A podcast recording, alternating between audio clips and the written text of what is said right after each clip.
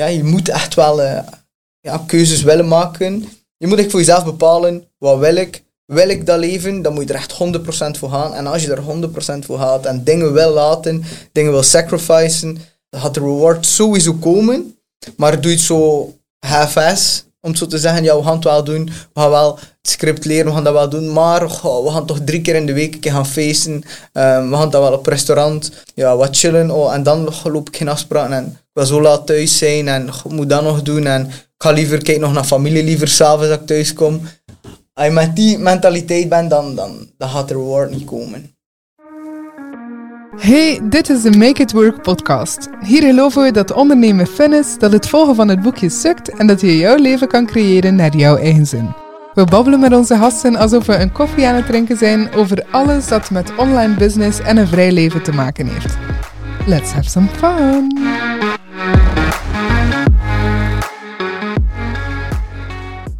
We zitten hier samen vandaag met Gilles Riede, de founder van GR Solutions en ook member van Bora Coworking. We gaan het vandaag hebben over sales en over natuurlijk zijn verhaal, hoe dat hij is gestart in, ja, in een heel andere situatie dan hij vandaag is. En nu succesvolle business owner met een team van heel ambitieuze zelfstandigen en salespeople. We gaan het uh, direct overschakelen eigenlijk naar Gilles zelf. Hey dag Gilles. Hey dag Laurence. Alles goed met jou vandaag? Met mij alles goed. Met jou? Ja, kijk hoe.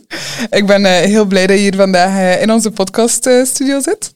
Ik ben ook blij, eerste keer. Ben benieuwd. Ja? ja? Spannend? Spannend. Geweldig. Ik zou heel graag willen weten van jou wat dat jouw verhaal is en van waar dat jij bent gekomen of hoe dat jouw journey is gestart mm -hmm. en waar dat je nu staat. Alright. Nu, normaal ben ik niet zo ver naar achter of dat wij aan het spreken waren, maar om daar verder op in te pikken. Maar dat je vroeger heb je ook gestudeerd op de hogeschool en ja, ik heb dat wel gedaan. Want ik kwam van middelbaar en ik wist eigenlijk echt totaal niet wat zijn mijn interesses, wat wil ik doen. Heel veel zin in school had ik eigenlijk ook al niet meer. Maar ik ben dan toch maar iets gaan studeren. Dat was LO en BR in Torhout. Niet echt de meest toffe studentenstad ook. Ik heb er even gezeten en ja, ik had er niet de engagement voor. Ik kwam eigenlijk ook uit de hele losse sfeer in het middelbaar van school. Ik zat in, in het KTA Brugge. En uh, dat waren allemaal leuke gasten en iedereen ging voor elkaar. En ik je neus werd niet gemaakt, was schreef het over van mij en omgekeerd ook. Maar ik kwam dus in, in de hogeschool en dat was daar een heel andere mentaliteit van. Maar doet een beetje meer zelf je moet maar naar de les komen en zo. En ik kon daar niet zo heel goed uh, mee om op dat moment. Dus ik ging ook wat minder en minder. Mijn beste vriend was dan ook gekomen naar, uh, naar die school. En die zag er nog minder zitten, dus ik ging daar dan ook meer in mee. Ik heb dan mijn examens gedaan. Ik was er voor, ja, ik heb wel gestudeerd, ik was er wel juist voor twee vakken gebuist. En dan ben ik ook niet meer teruggekeerd. Ik heb dan het jaar daarna eigenlijk nog een keer geprobeerd, en dat was dan in Gent, in Artenvelde. En dat ik dan eigenlijk nog minder zie zitten, en daar heb ik zelf, ja, mijn eerste examens denk ik in de midden zelf gestopt. En ik werkte toen eigenlijk in, in een klerenwinkel, in de G-Star. En um, ja, ik zat daar, ik verdiende geld, ik woonde al alleen. Ik was eigenlijk al alleen in een appartementje en ik moest dat dan ook betalen. Dus ja, ik zeg, kom, ik ga hier in de G-Star verder werken. Verdiende daar niet veel. ik denk, met maaltijdchecks, alles erop en eraan, 1650 euro. Daar moest ik dan uh, ja, een appartement van kunnen betalen. Maar later dan, diezelfde vriend die ooit bij me kwam op school die in principe er een beetje voor gezorgd heeft ook dat ik er niet bij gebleven, gelukkig. Anders was ik nu uh, sportleraar. Niks verkeerd er tegen, maar ik zie mijn leven liever zoals het nu is. En die vriend kwam dan aan mij, zo'n paar jaar, ik werkte een jaar of twee in de G-Star, en die zei van, kijk, ik verdien eigenlijk 5000 euro in de maand met verkopen. Met closen van deals dus. En ik zo, beste dat ik voor me kon zien was wat een store manager verdiende. En dat was 1800 euro. Dat was voor mij al een, high goal, om zo te zeggen. Ja, ik geloofde dat echt moeilijk. 5000 euro, leek zoveel, zoveel geld. Hij toonde dan effectief, bewees dat hij 5000 euro verdient. Ik heb dan direct mijn job opgezegd. Natuurlijk heel veel tegenspraak van mijn mama. Want uh, zij was altijd, play it safe, play it safe. Spaar gewoon, zorg dat je 10.000 of 20.000 euro kan sparen. En zorg dat je facturen kan betalen, dat je van toe keer op restaurant gaat. En dan mag je al van geluk spreken. Hè. Dus um, zoals het natuurlijk ook een beetje, een beetje vrees. Want ik had een appartement. Als ik dat dan niet ging kunnen, ja, ging ik dat dan nog kunnen betalen? Beetje de beschermende mama. Ik heb er niet naartoe geluisterd, ik heb gewoon eigenlijk eh, ervoor gegaan. En uh, kwam daartoe. Op die saleskans dat ik dan kreeg, en dat was eigenlijk zonnepanelen dat zij verkochten en energiecontracten. En kwam daartoe eigenlijk 22 jaar. En uh, die baas zei mij letterlijk zo, voor heel de groep, ik weet niet wat ik van jou moet denken, maar ik denk niet dat je dat gaat kunnen. Dat heeft me wel... ja. Bam. Dus um, dat heeft me wel een bepaalde drive gegeven. En uh, na het eerste jaar was ik eigenlijk al uh, ja, het beste in alle producten dat we verkochten. En dan het tweede jaar ben ik dan eigenlijk ook uh, manager geworden, sales manager daar. En had ik nog altijd de beste resultaten. Dus ik heb er wel alles voor aan de kant gezet. Want ik voetbalde ook, niet op een topniveau. Speelde bij Knokken, ik was dan naar Heist gegaan en dat was een tweede provinciaal of zo. Dus niks om over naar huis te schrijven. Maar ik heb gewoon gezegd, kijk, ik zet alles aan de kant, want dat is hier een kans. Wat kan ik verdienen met dat voetbal? Wat kan ik hier verdienen met die sales? Ik zei, oké, ik ga gewoon 100% voor die sales gaan. Ik heb het ook gedaan. Ik had nooit een boek gelezen op school. Opeens begon ik boeken te lezen aan de lopende band eigenlijk, om mezelf te verbeteren, bij te leren. Iedere keer ook met de mensen die goed bezig waren, hoe je cijfers aan, daar een beetje rondhangen en hoe doe jij dat? Een beetje stelen met je oren zo. Overal informatie gaan verzamelen en dat ging dan beter en beter en beter. En uiteindelijk, ik was daar dan een jaar manager. Toen kwam de baas naar mij van, um, ja, uh, Jules, hou ik er op restaurant. Naar een sterrenzaak en uh, ik zeg ja, oké. Nog een promotie of het een of het ander, nog een stapje vooruit. Maar niks, niks was eigenlijk minder waar, want uh, hij zei van, ja, kijk, uh, Gilles, jouw, uh, jouw aandeel in mijn bedrijf wordt te groot en ik heb dat eigenlijk niet graag. Dus we moeten dat wat, wat terugschroeven. Ik wist eigenlijk niet waar ik erop moest denken of van denken. Je werkt dan zo hard, maar dan kon je niet meer verder, verder groeien en mijn ambitie was wel groot. Dan kwam er iets anders op mijn pad. Die vriend die mij ooit, mijn beste vriend die mij ooit eigenlijk had bijgehaald in, in die zonnepanelen, was ondertussen al zijn eigen bedrijf gestart. En die heeft mij dan naar daar gehaald. Ik heb dan gezegd van, kijk, weet je wat, al die mensen onder mij, want als ik dan manager was, ik had waarschijnlijk wel een stuk of twintig mensen onder me, die ik moest opleiden, trainen en doen. Ik had er even genoeg van. Uh, ik zeg, weet je wat, ik wil alleen maar mezelf eigenlijk uh, bewijzen op dit moment. Ik wil alleen maar voor mezelf verkopen. Volledig zelfstandige basis. En ik moet niemand onder me hebben, ik wil niemand trainen, ik wil niemand uh, iets leren op dat moment. Ik wil gewoon tonen wat ik waard was in dat nieuw bedrijf. Ik heb dat ook gedaan. Ik heb dan een record geschreven die nog altijd niet verbroken is. Daarna, na enkele maanden, denk een maand of drie, verkopen, hebben ze me dan eigenlijk al gevraagd, toch van, ja, Gilles, zou je niet zitten om toch die eh, managerfunctie eh, aan te nemen?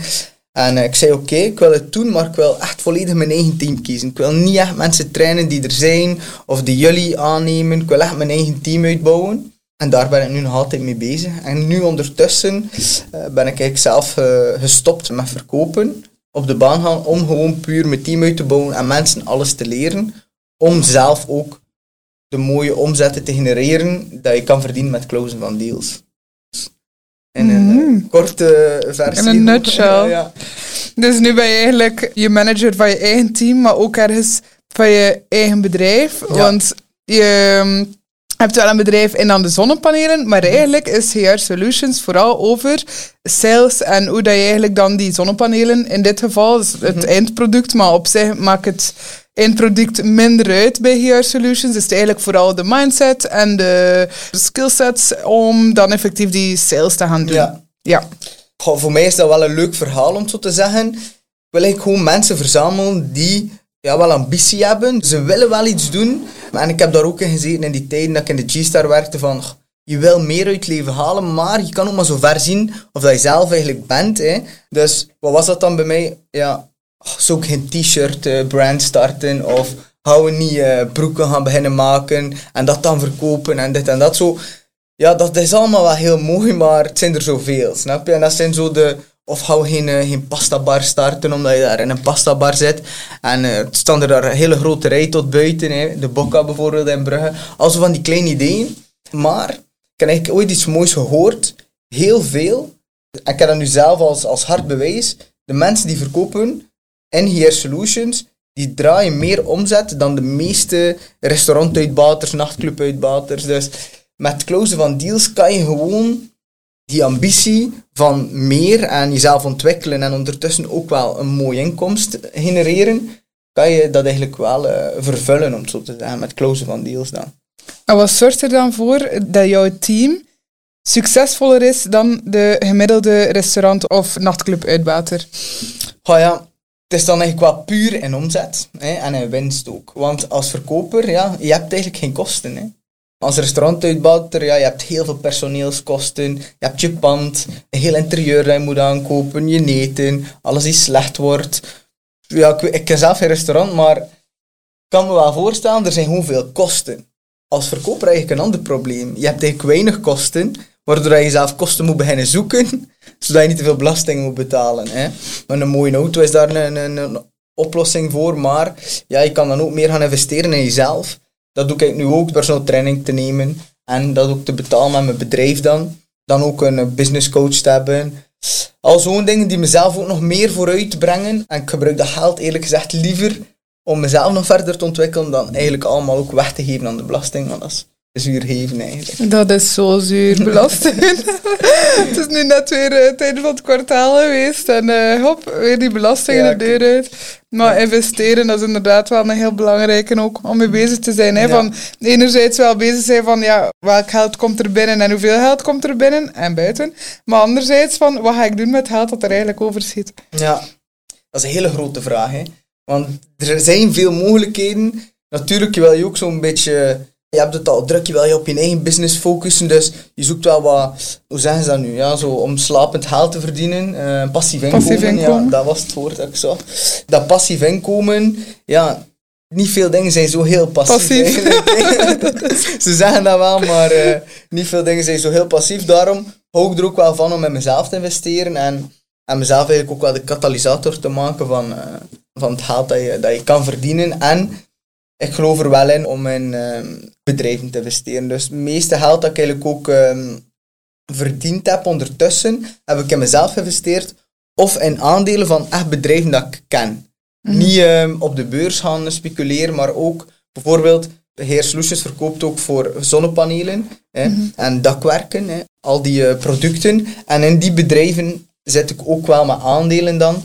En zo heb ik mijn winst ook daarin kunnen steken. En in de toekomst genereert dat dan ook weer omzet. Dat is dan misschien wel passiever voor mij, want het is aandelen kopen. Ondertussen, je moet toch werken. Hoe meer ik verkoop voor die bedrijven, hoe beter zij worden. En dat komt dan ook weer terug, snap je? Mhm. Ik ben nieuwsgierig en eh, ik veronderstel de luisteraar ook naar het businessmodel van HR Solutions. Ik kan het misschien van in het begin een keer uh, vertellen. Dus ik was ehm, begon als zelfstandig verkoper. En dat was juist ik. Dat was het businessmodel. Ik verkoop, daar wordt er commissie op verdiend. Dat waren de inkomsten, geen kosten. Behalve een, een auto, gsm, al die dingen. Maar dan had ik een team en uh, moest die opleiden. En ik verkocht ondertussen ook zelf nog. Dus en ik trainde die, verkocht zelf nog en zij verkochten ook. Dus, wat gebeurt er?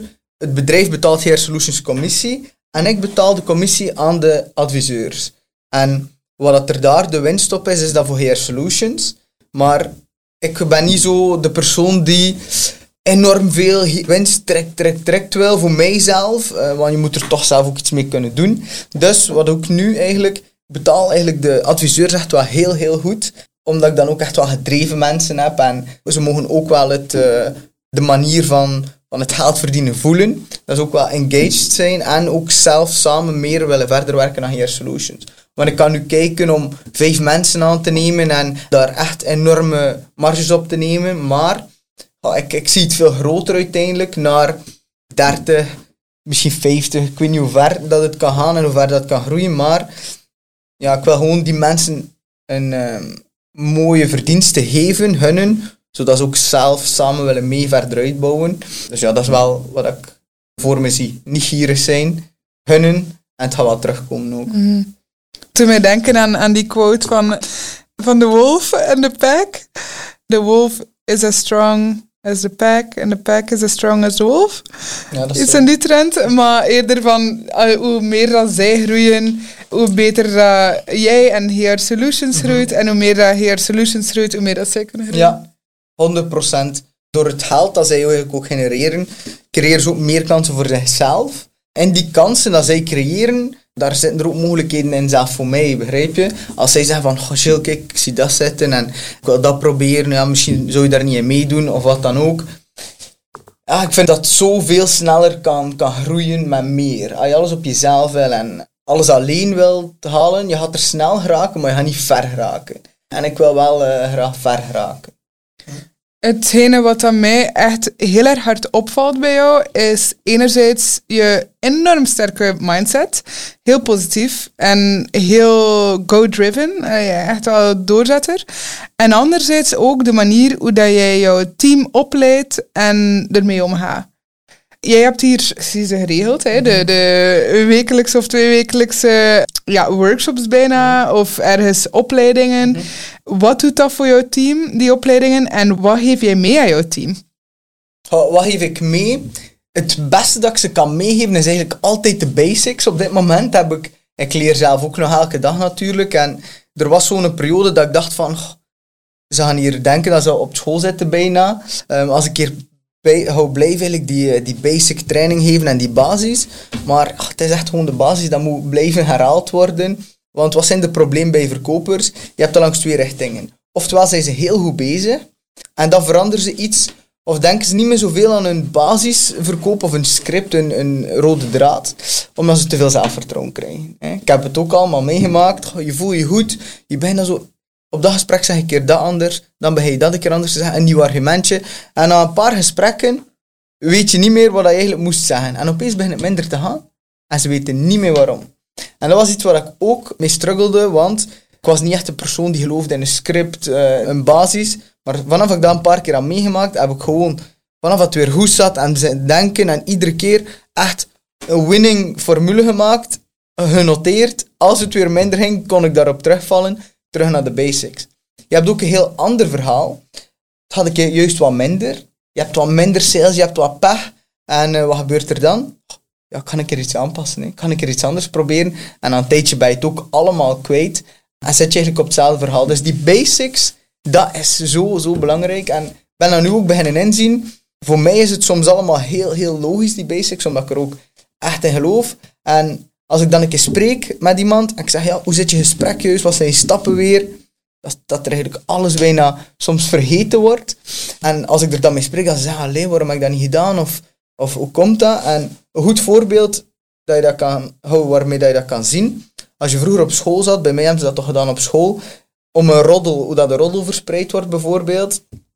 Ik zeg iets tegen jou, Laurence, en uh, jij vertelt diezelfde zin door naar iedereen hier in de, in de, in de coworking de laatste persoon had een volledig andere zin hebben dan dat ik in jouw woord gezegd heb. Dus dat is het eigenlijk gewoon. Zorg dat je altijd een basis hebt, een structuur. Als je het opgeschreven hebt, die zin, dan gaat niemand het fout zeggen, begrijp je? En hou je daaraan en dat is echt wel... Uh, de basics is echt wel de winning formule.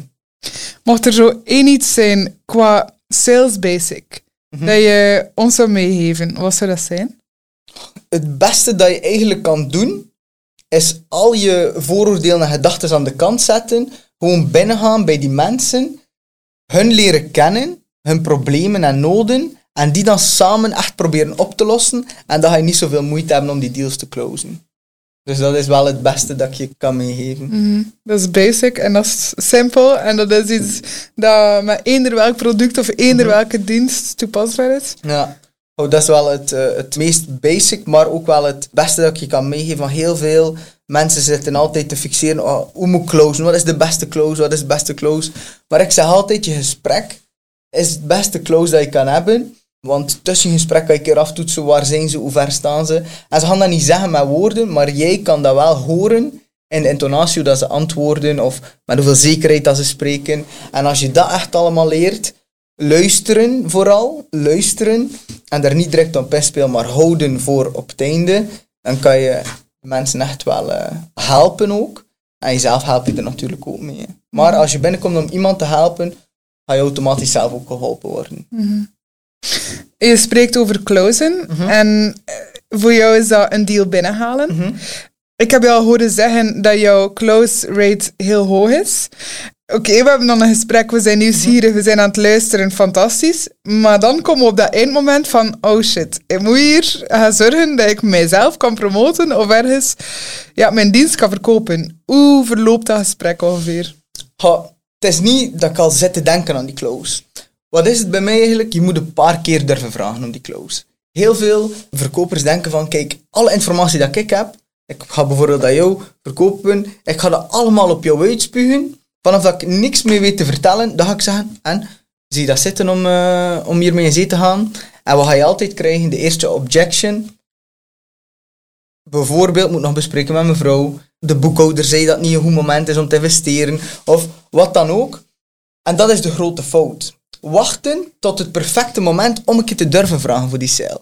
Ik vraag hem zeker zes keer. Maar ik begin met onopvallender naar dan echt wel naar het einde toe heel opvallend. Dus ik begin een keer met van, wat hebben ze al gehoord op voorhand over het product? En zie dat zitten, sta je daarvoor open? Hier begin ik al zelf te vragen van, zie dat zitten, sta je ervoor open? Heel, heel kortzichtig, dan laat ik het hun zelf echt uitleggen. Leg ik het zelf nog een keer gewoon kort en bondig uit. Dan zeg ik, zou het iets voor jou zijn? Dus hier ben ik eigenlijk al aan het horen van, hoe ver sta je? En naar hun antwoord, ik schaal dat eigenlijk van 1 tot 10, is dat antwoord van, goh ja, ja, weet je, die zitten op een 2 of een 3 of misschien zelfs 1. Maar ze zeggen, ja, ja, dat, dat kan me wel aanspreken. Ja, ja, misschien, misschien. Ja, dan zit je misschien op een zesje. Of, goh, kijk, dat is hier, ik wil het echt enorm graag. Ja, leg maar verder uit, want dit en dat. Je hoort wel aan de mensen, door die vraag te stellen, hoe ver zitten ze er al op. Als je wacht tot op het einde en dan pas gaat vragen, en dan krijg je daar een of andere objection, want dan gaan ze altijd geven. Niemand wil beslissen op de eerste keer, maar toch doen ze het. Dus ik heb dan gevraagd naar de korte uitleg van en ziet in. Oké, gaan we verder. Ik ga anders een keer een gedetailleerde berekening maken voor u. Product een keer nog wat gedetailleerder uitleggen. Zie dat zitten. Ik zeg dan ook van kijk, het is wel even goed opletten. We gaan echt wel even op met cijfers bezig zijn. En ik wil zeker dat je alles goed begrijpt. Dat je een intelligente beslissing kan nemen. Vanaf dat ik dat allemaal uitgelegd heb van en zou je het niet zien zitten om, om de aanvraag te doen of, uh, of in orde te brengen. En ik weet dat ze hier niet gaan zeggen. Of die objection. Ik weet het gewoon. Dus ik ben er ook niet bang voor wil het uit hun krijgen. Want ze zitten daar met een bepaalde spanning. En ze willen nee zeggen. Ze zitten met hun gameplan van we gaan niet tekenen op de eerste afspraak, we gaan dat niet doen, we gaan dat niet doen. Maar jij laat ze hun muur zetten door die objection. Je gaat daar niet op in, en waarom moet je nog bespreken met je vrouw? Dat is het slechtste dat je kan doen. Want die objection is geen realiteit. Dat is gewoon iets die ze zeggen om het even af te wimpelen, want mensen zeggen gewoon niet de waarheid. Stel je voor, je gaat een broek gaan passen, maar je vindt het niet echt mooie broeken. Je hebt, die mens heeft er daar al zeven uit trek gehaald voor jou om te passen. En oh, je zegt, de, oh, ik vind er geen mooi. Je gaat dat niet zeggen tegen die mens. Je gaat zeggen van, kijk, weet je, ik ga hier nog door de stad lopen. Ik ga nog een paar broeken passen. Als ik geen betere vind, dan kom ik terug. Je komt sowieso niet terug. Dat is gewoon een vriendelijke manier om te zeggen, ik vind jou niet tof, vind je product niet tof, of die winkelier staat me niet echt aan. Ja. Dus, wat ga ik dan eigenlijk gaan doen? Ik weet dat het eigenlijk een nee is, verstopt in een mooi pakje, om mij niet te willen kwetsen of niet grof over te komen, maar zo zijn mensen gewoon. Maar ze hebben die muur wel gezet. En vanaf dat moment kan je hem beginnen afbreken.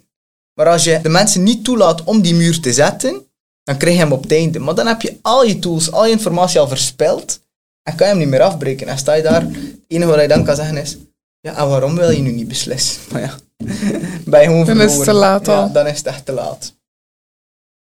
Ja, we kunnen daar nog lang en diep over ingaan, zeker als ik daarover spreek. Maar ehm, ja, voor mij zijn, uh, is closen door het gesprek.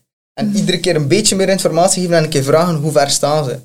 We zijn ze al wat warmer. Je hoort dat in hun antwoorden. Niet echt luisteren naar wat dat ze precies zeggen, maar hoe dat ze het zeggen. Wat is hun intonatie, wat is hun enthousiasme, de emoties waarmee dat ze het vertellen. Daarop.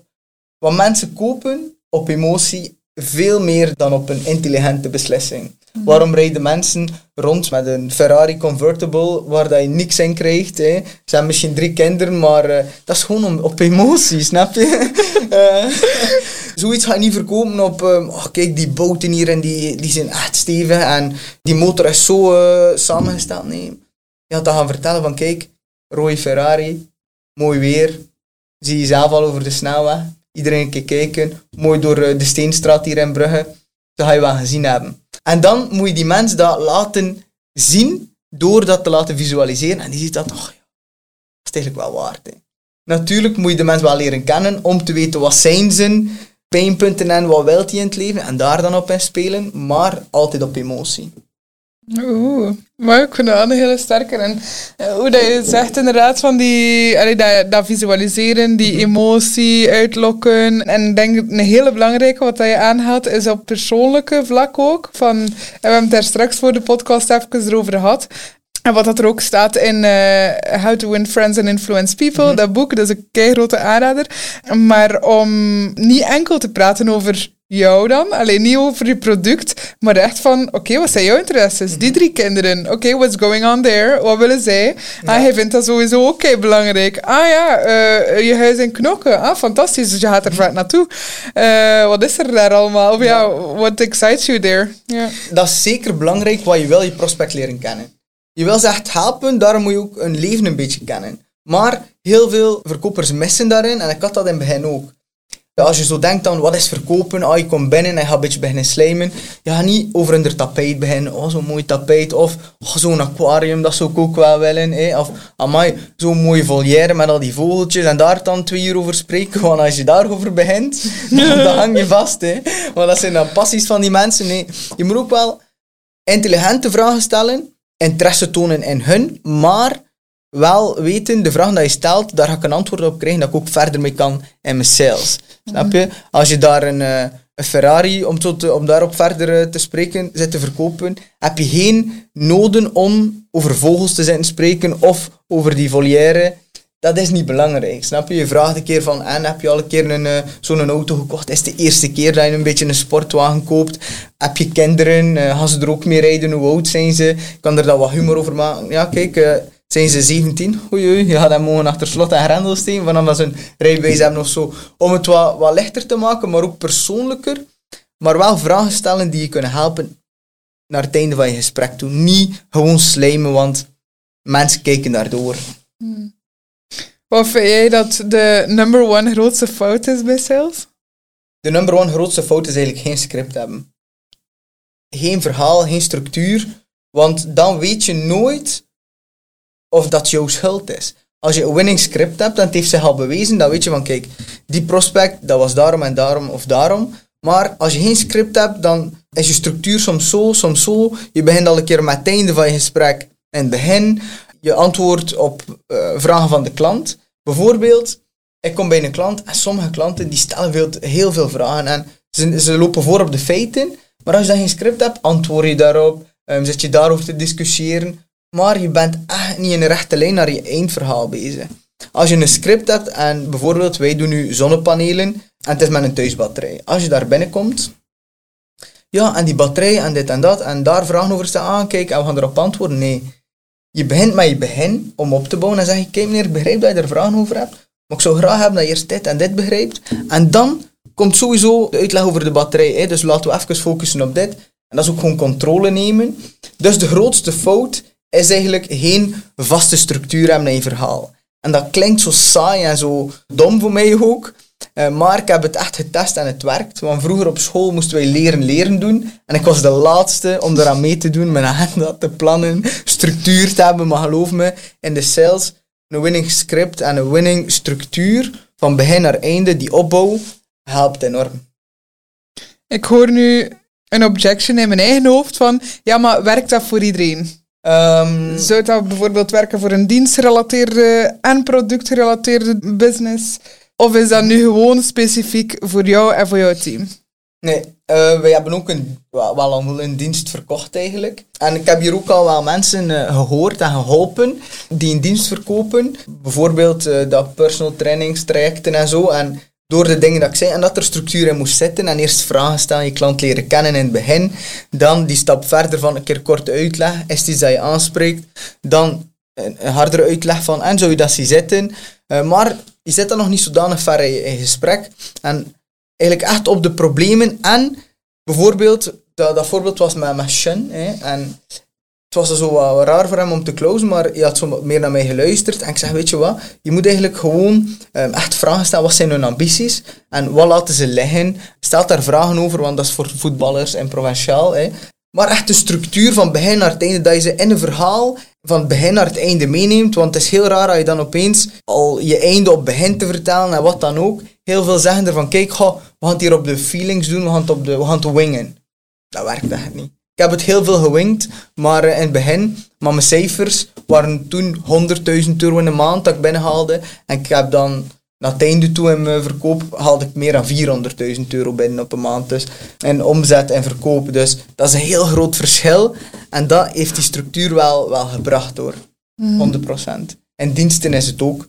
Ehm, als je de klant laat te veel, bijvoorbeeld energiecontracten heb ik ook nog verkocht. Maar als je de klant al direct toelaat van ah, de prijs, ik de prijs, ik de prijs. Hé meneer, ik ga juist dat, dat en dat vertellen en dan komen we daarop. En ondertussen vergeet hij dat wel. Ik begrijp dat je dat wel weet, maar we gaan er straks op komen. Geen stress, geen zorgen. Je gaat sowieso weten, ik zou dat en dat wel moeten vertellen voordat we naar daar geraken. Echt wel ook controle over je eigen gesprek durven hebben.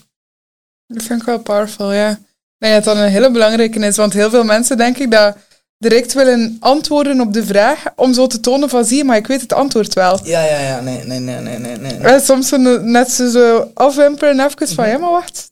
Ja, This ja. is important. Laten we even hier doorgaan. Eh, ik weet niet hoe. Ja, je komt meer over als een professional, doordat je ook een structuur hebt en, en dat je zegt van kijk, meneer, ehm, ik begrijp dat je met die vragen zit en die antwoorden gaan zeker komen, maar we moeten eerst dit en dit begrijpen voordat ik dat kan uitleggen. Dat komt veel professioneler over dan dat je gewoon op alles antwoordt en eigenlijk kri- krijgen zij controle over jou en dan is het heel moeilijk om te closen. Want jij bent op hun vragen aan het antwoorden terwijl het omgekeerd zou moeten zijn. Hmm. Jij bent op hun vragen aan het antwoorden. Ah ja, en zij moeten op jouw vragen Ja. antwoorden. Hmm. Sowieso. Als je de controle wil, een gesprek binnenkomen, doe ik al met echt controle nemen. En ik moest dat ook wel extra hard doen. Waarom? Ik was aan mijn 22, ik zie er nu misschien nog maar 22 uit, ik ben er ondertussen bijna 27. Maar ehm, toen dachten ze waarschijnlijk, ik kom daar aan die voordeur staan, ja, die komt hier koekjes verkopen of het een of het ander. dus eh, ik moest wel ietsje directer zijn, dus ik kwam echt binnen. Goeiedag, je spreekt er met Gilles, ik ben hier voor de afspraak. Kan ik binnenkomen? Mag ik langs hier doorlopen? Zitten we aan die tafel of zitten we daar in de keuken? Mag ik hier plaatsnemen? Heb je de informatie klaargelegd? En dat is een heel ander verhaal dan dat ik zou binnenkomen en, en daar een beetje twijfelachtig staan, waar dat door de klant zegt van, ja, voor wat ben je hier? Ah ja, ja, ja, het is waar, loop maar door, eh, zet je daar maar neer en eh, vertel ik je voor wat dat hier is. Je bent verloren van in het begin als de klant de kans krijgt om veel te veel vragen te stellen en het gesprek te leiden. Want jij moet echt wel het gesprek kunnen leiden. Dus die controle van in het begin is ook heel belangrijk. Setting the tone. Ja, echt wel. In heel het beginverhaal van jou zei je van kijk, ik was de beste in mijn team en er waren daar twintig andere mensen. Mhm. Zij hadden ook allemaal dat script. Wat is het verschil tussen jou, degene die dan het beste eruit Mhm. komt, versus al die anderen met dezelfde tools, dezelfde klanten, soort klanten enzovoort? Die mensen leefden er niet voor. Je kan eigenlijk echt verdienen in sales als topsporter, maar je moet er dan ook wel de dingen voor doen dat een topsporter zou doen. Dat waren mensen die, die gingen de avond voordien eh, echt eh, in de wijn zitten op restaurant, de volgende dag met een zwaar hoofd gaan verkopen.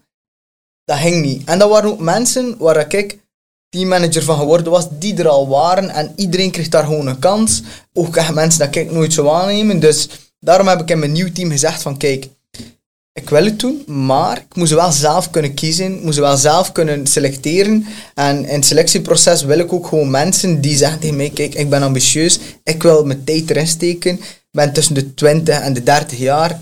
Dat is de tijd dat ik het moet doen, dat ik het moet opbouwen, heel mijn leven. En met die mensen wil ik wel verder. Dus wat is het verschil? In die tijd was het heel makkelijk voor mij om de maandelijkse cijfers te winnen. Ik denk dat het nu al een stuk moeilijker zou zijn om eh, winnaar te zijn met de cijfers die de verkoper dat ik nu heb haal. Dus gelukkig dat ik zelf niet meer tussen de cijfers sta op dit moment. Nee, eh, maar dat is eigenlijk het grootste verschil. Er echt wel voor willen gaan, voor willen leven. Je kan er heel mooie dingen uithalen, heel succesvol zijn. Eh, natuurlijk, hoe succesvoller dat je bent, en daar moeten ze ook mee om kunnen, wordt ook wel ietsje eenzamer, want je evolueert. Je leert nieuwe dingen, je wilt over andere dingen spreken. Je krijgt ook andere kansen. De reizen die ik vroeger deed en dat ik nu deed, ja, niet iedereen kan daar op mee naartoe ook, zie je. Dus ik heb wel geluk dat die beste vriend van mij ook wel in de business zit en dat wij altijd wel samen die mooie reizen kunnen maken. Maar ja, je verliest dan ook wel wat mensen die niet mee willen. snap je, uit je vriendenkring. En niet dat ik ze achterlaat of wat dan ook, maar je ziet ze wel wat minder. En ze hebben ook gewoon een ander leven. Ja, je moet echt wel eh, ja, keuzes willen maken. Je moet echt voor jezelf bepalen, wat wil ik? Wil ik dat leven? Dan moet je er echt 100% voor gaan. En als je er 100% voor gaat en dingen wil laten, dingen wil sacrificen, dan gaat de reward sowieso komen. Maar doe het zo half-ass, om zo te zeggen, ja, we gaan het wel doen, we gaan wel het script leren, we gaan dat wel doen, maar we gaan toch drie keer in de week een keer gaan feesten, um, we gaan dat wel op restaurant, ja, wat chillen, oh, en dan loop ik geen afspraken en ik wil zo laat thuis zijn en moet dat nog doen en ik ga liever kijken nog naar familie, liever s'avonds als ik thuis kom. Als je met die mentaliteit bent, dan, dan, dan gaat de reward niet komen.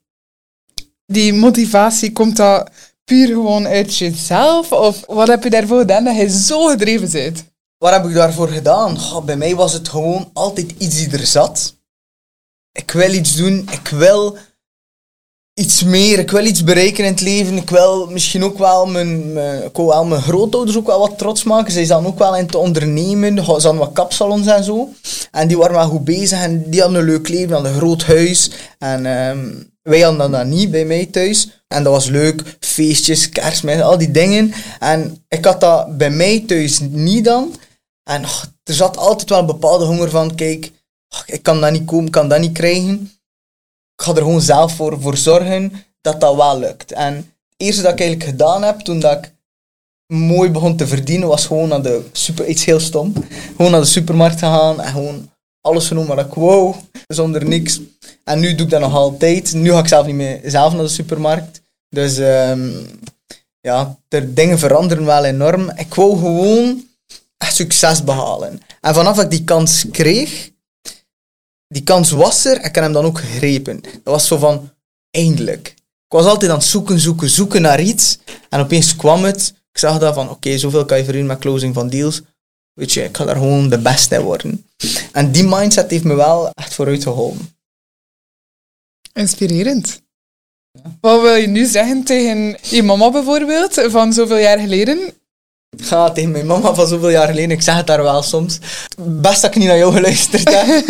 um, maar langs de andere kant heb ik haar ook wel, wel bedankt, want ze heeft ook wel goede dingen. Hè. Mijn, uh, mijn spraakzaamheid, een bepaald soort charisma heb ik ook wel mee van haar. Dus er zijn wel goede dingen. Het enige wat zij had was heel voorzichtig.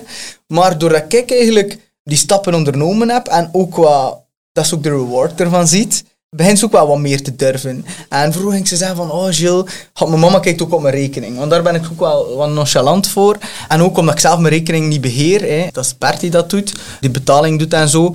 Dat ik zo mijn mama zo'n beetje als de guard dog erop gezet. En ik zeg, kijk, als er rare, rare bedragen van gaan, laat me een keer weten. En, uh, nu, uh, de laatste keer dat ik haar nog hoorde, want ging 25.000 euro keer af voor een business coach. En ze belde me, Gilles, je zot?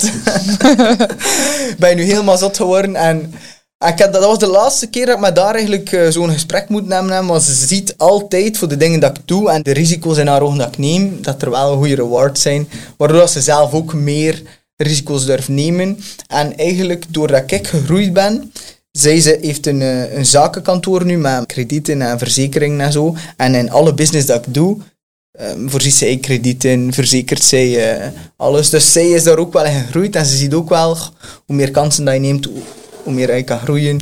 En ja, de reward komt er gewoon bij. No risk, no reward eigenlijk. Hè. Mooi.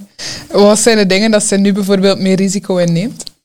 Ha, wat zijn de dingen dat zij nu zelf meer risico inneemt, is eigenlijk mij laten doen. Dat is, dat is het grootste, grootste, risico. Ja. Um, zelf ook iets ondernemender uh, zijn daarin. Ook zelf haar werk dan opgezegd. En zelf dan ook in, in volledig daarin gegaan in die, in die kredieten en die verzekeringen.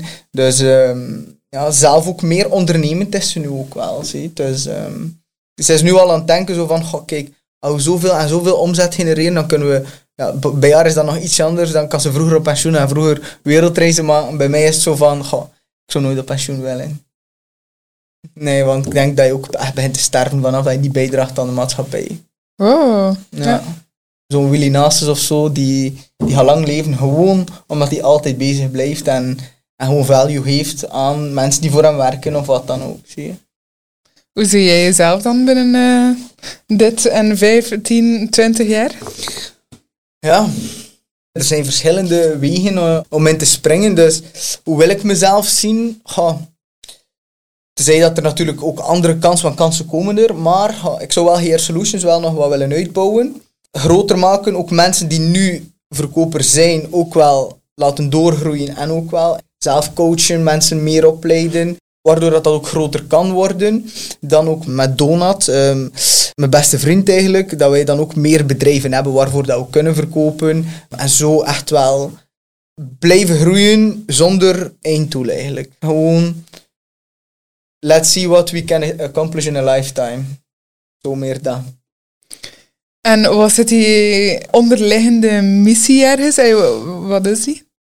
Voor mij is het eigenlijk mijn echte onderliggende missie, nu dat je het vraagt, zijn zo'n beetje de mensen die in dezelfde schoentjes stonden zoals van mij, die wel bepaalde talenten hebben, die wel ja, goed kunnen overkomen of iets meer willen in het leven, maar de kans niet krijgen. En in de sales, dat is echt een learnable skill, een teachable skill. Dus in de sales kan je die kans wel grijpen. En als je die wil grijpen, die kans aan die mensen geven om een heel ander leven uit te bouwen voor zichzelf, dat is wel... Ehm, onderliggend, waar ik door het te doen, heb een inzien van, oh, kijk, dat geeft me ook wel voldoening. Mm Zo, ja, mensen iets gunnen, ook iets laten uitbouwen, iets maken van hunzelf en zien groeien. En doordat je dat met die mensen samen doet, creëer je ook wel een heel sterke kenniskring, omdat je hun ook veel geeft. En ook al gaan ze ooit hun eigen weg uit of hun eigen pad op, ja, ze gaan ook wel dingen blijven creëren, want ze zitten ook wel in die mindset, ze hebben het kapitaal verdiend. Waardoor dat je elkaar ooit wel weer gaat tegenkomen en, en dat helpt wel allemaal. Als je mensen geholpen hebt, dan geloof dat dat sowieso terugkomt. Wat zou je zeggen aan jouw verleden zelf? Ik weet niet of ik um, iets zou, uh, zou willen veranderen of zeggen, of mezelf zou willen geruststellen. Ik zou kunnen zeggen van ja, ik zou willen teruggaan en zeggen van kijk, het komt allemaal wel goed, maar ik zou dat eigenlijk niet doen. Want dat is ook misschien, die verleden zelf zou dat misschien meer op zijn gemak geweest zijn en wat dan ook. Weet je, ik zou het allemaal gewoon laten, like wat, of dat gebeurd is. Ik heb gewoon heel veel geleerd uit dingen dat ik heb meegemaakt ook en struggles dat ik gehad heb en op alle vlakken. Ik zou daar niks aan willen veranderen om die zelf te beschermen, want al die moeilijke situaties of problemen of stress of wat dan ook, dat heeft gewoon die drive gecreëerd wel, zie je. Dus ik zou het gewoon laten wat uh, gelopen is. Mooi. We hebben vorige week, denk ik, ergens in de eventzaal zitten praten over dat moment dat hij er 100% of 110% voor ging. Wil je ons even daartoe meebrengen? Toen in de tijd, wanneer hij er ziek hard voor aan het gaan was en, uh, en je cijfers echt in de ah, lucht aan het gaan? Ja, ja, Oké. Ik ging naar, eh, naar het bedrijf um, met Donat en um, die had daar tegen iedereen zitten vertellen van ja, Gilles is een, um, is gewoon de beste verkoper dat je ooit gaat zien en wat dan ook. En oh, dat gaf me ook wel stress, want ik wil ook niet falen. Snap je? Ik wil mezelf dan ook wel bewijzen. Dus wat heb ik gedaan? Gewoon in Brugge, maar ik had dan samen met hem een appartementje in Antwerpen. Nooit ingericht, een matras op de grond. Er zat nog geen lichten in, uh, in het plafond eigenlijk, om het zo te zeggen. Dus geen verlichting in mijn kamer. Moest dan altijd met mijn zaklampje gewoon van mijn gsm mijn kleren zoeken en wat dan ook. Dat was gewoon in de zomer, want de zomer is een hele goede periode voor ons. Het is lang licht, je hebt veel uren in de dag, klare uren. En dan kan je ook echt gewoon ervoor gaan. En uh, toen heb ik eigenlijk echt zoals een monnik geleefd. Ik deed acht afspraken op een dag die ongeveer ja, een uur tot een uur en een half konden duren. En ik vertrok eigenlijk van elf uur in de voormiddag, maar kwam ook wel maar pas om elf uur s'avonds thuis. Gelukkig was dat in Antwerpen, kon je nog Deliveroo bestellen na dat uur. Hè. En dat was dan de volgende dag opstaan. Dat was heel de zomer. Je ziet iedereen ja, barbecue's doen, op het strand zitten, wat dan ook. Maar ik had gewoon die missie om het beste cijfer ooit te halen. En ja, dat is me nu wel gelukt. En ik ben blij ook dat ik dat gedaan heb. Want nu zijn er wel adviseurs of verkopers ik heb die dat we graag willen breken. En dat drijft er ook wel. Dus dat was wel voor mij een, een moment ook. Ja, daardoor heb ik ook wel getoond van... Ehm, ja, wat er eigenlijk mogelijk is, als je gewoon dat script volgt, state management, alle kleine trucken dat ik meedeel, heb ik op mezelf toen toegepast. Heb ik bewezen aan mezelf dat het allemaal lukt. Dus hou me er ook wel redelijk aan vast. En ehm, daardoor is die nieuwe kans eigenlijk ook gegroeid om mijn eigen team te mogen uitbouwen, kunnen uitbouwen, mensen dingen te leren door er zelf zo fanatiek mee bezig te zijn. En ik noem dat zo een beetje mijn monnikenperiode. Niets doen, geen afleiding, geen buiten gaan, niet gaan drinken, niet gaan feesten, ehm, niet in de zon gaan liggen op het strand. Gewoon Focus. Ja, full focus, eh, practice your, eh, your craft and get better at it. Dat was eigenlijk gewoon die, die periode. En er zijn daar wel relaties onderbroken ook en zo, maar bij mij was, was eh, mijn craft dan, kwam sowieso op de eerste plaats. En ik vind dat alle mannen, voor mij dan, en misschien vrouwen zelf ook dan, zouden dat toch zeker moeten, moeten doen, hun, hun ambitie op de eerste plaats zetten. Want als je dat uitbouwt en jezelf zo krachtig maakt via dat, dat kan je niet verliezen, die skill. Dat kan je niet verliezen. Er zijn heel veel mensen die mensen op de eerste plaats zetten. Partners, relatie. Maar ik heb dat vroeger ook een keer gedaan. Ik heb er wel uit geleerd.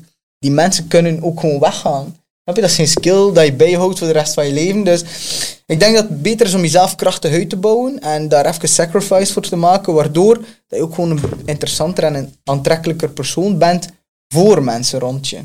Want de Disney stories eh, in real life, het is niet, eh, niet altijd eh, de waarheid, om het zo te zeggen. Beter eh, echt wel je eigen purpose op de eerste plaats en de rest vloeit wel gewoon naar je toe dan. Mooi. Je bent zo ergens een levende versie van al de inspirational quotes en al de inspirational video's op Instagram en YouTube. ik vind het geweldig om jou bezig te horen met die passie, met die drive. Om je ook bezig te zien, niet enkel met je team, maar ook voor jezelf. Hoeveel plezier je ondertussen ook wel hebt in je leven. Eh, We zitten hier ook gewoon te pingpongen en te doen. Lekkere dreven. Dat Ehm, niet maar dat hoort er ook wel ergens bij. Ja. Ik denk zonder de fun erbij is het ook niet. Maar toch ergens die full focus gehad hebben en nog altijd eh, vind ik echt wel super inspirerend. Dat toont ook ergens dat het mogelijk is. Dus het Ja. heeft al sowieso fire voor al die mensen die het willen. Van it is out there en het is mogelijk, het kan. ja. En ja, ik weet niet, misschien nog aan jou de vraag van, mocht je één iets willen zeggen aan de luisteraar dat zijn of haar leven kan veranderen, wat zou dat zijn? Wat aan mijn leven heeft veranderd is, ik heb een mooie kans gezien. Wees ook gewoon een, goede persoon. Doe niet veel domme dingen. Ga niet elke dag op, eh, ga niet elk weekend gaan feesten en gaan doen. En maak niet van je leven een, grote party. Want ik zou ook aan die mensen niet echt een nieuwe kans geven. Omdat ik ook weet van, goh, die zijn er niet echt op. Dus zorg dat je wel ook een beetje een sterk persoon bent. Dat je goed bent. Maar als je dan die kans krijgt, er ook gewoon echt 100% voor gaan. En ook wel dingen durven opgeven. Je luxe leventje, soms de restaurantjes durven opgeven. Want die kleine restaurantjes dat ik deed van 100 euro vroeger opgeven, dat zorgt ervoor dat je nu bijvoorbeeld in Dubai restaurantjes van 1000 euro kan doen, die minder pijn doen dan die van 100 euro van toen, begrijp je? Dus echt, zie een kans, want ze komen niet zo veel voorbij, soms maar één keer in je leven of wat dan ook. Dus zie die kans en gaat er gewoon 100% voor. Great. Dankjewel. Dankjewel voor deze eh, geweldige motivatie en een geweldige real-life voorbeeld te zijn ook voor, eh, voor velen. En eh we vinden het fantastisch dat jij hier op de Make It Work podcast bent en een member bent van onze Bora family. Dankjewel, ik vind het ook eh, fijn om hier aanwezig te zijn. Fijn. Alright. Let's have a pingpong. ciao, ciao. Bye bye. Wat een geweldige episode was me dat weer. Ik heb er keihard van genoten en hopelijk jij ook. Laat ons gerust weten via @boracoworking, via Instagram of via iTunes reviews wat je ervan vond. En tag ons zodat meer mensen zoals jij onze podcast kunnen ontdekken. Speak soon. Ciao ciao. Bye bye.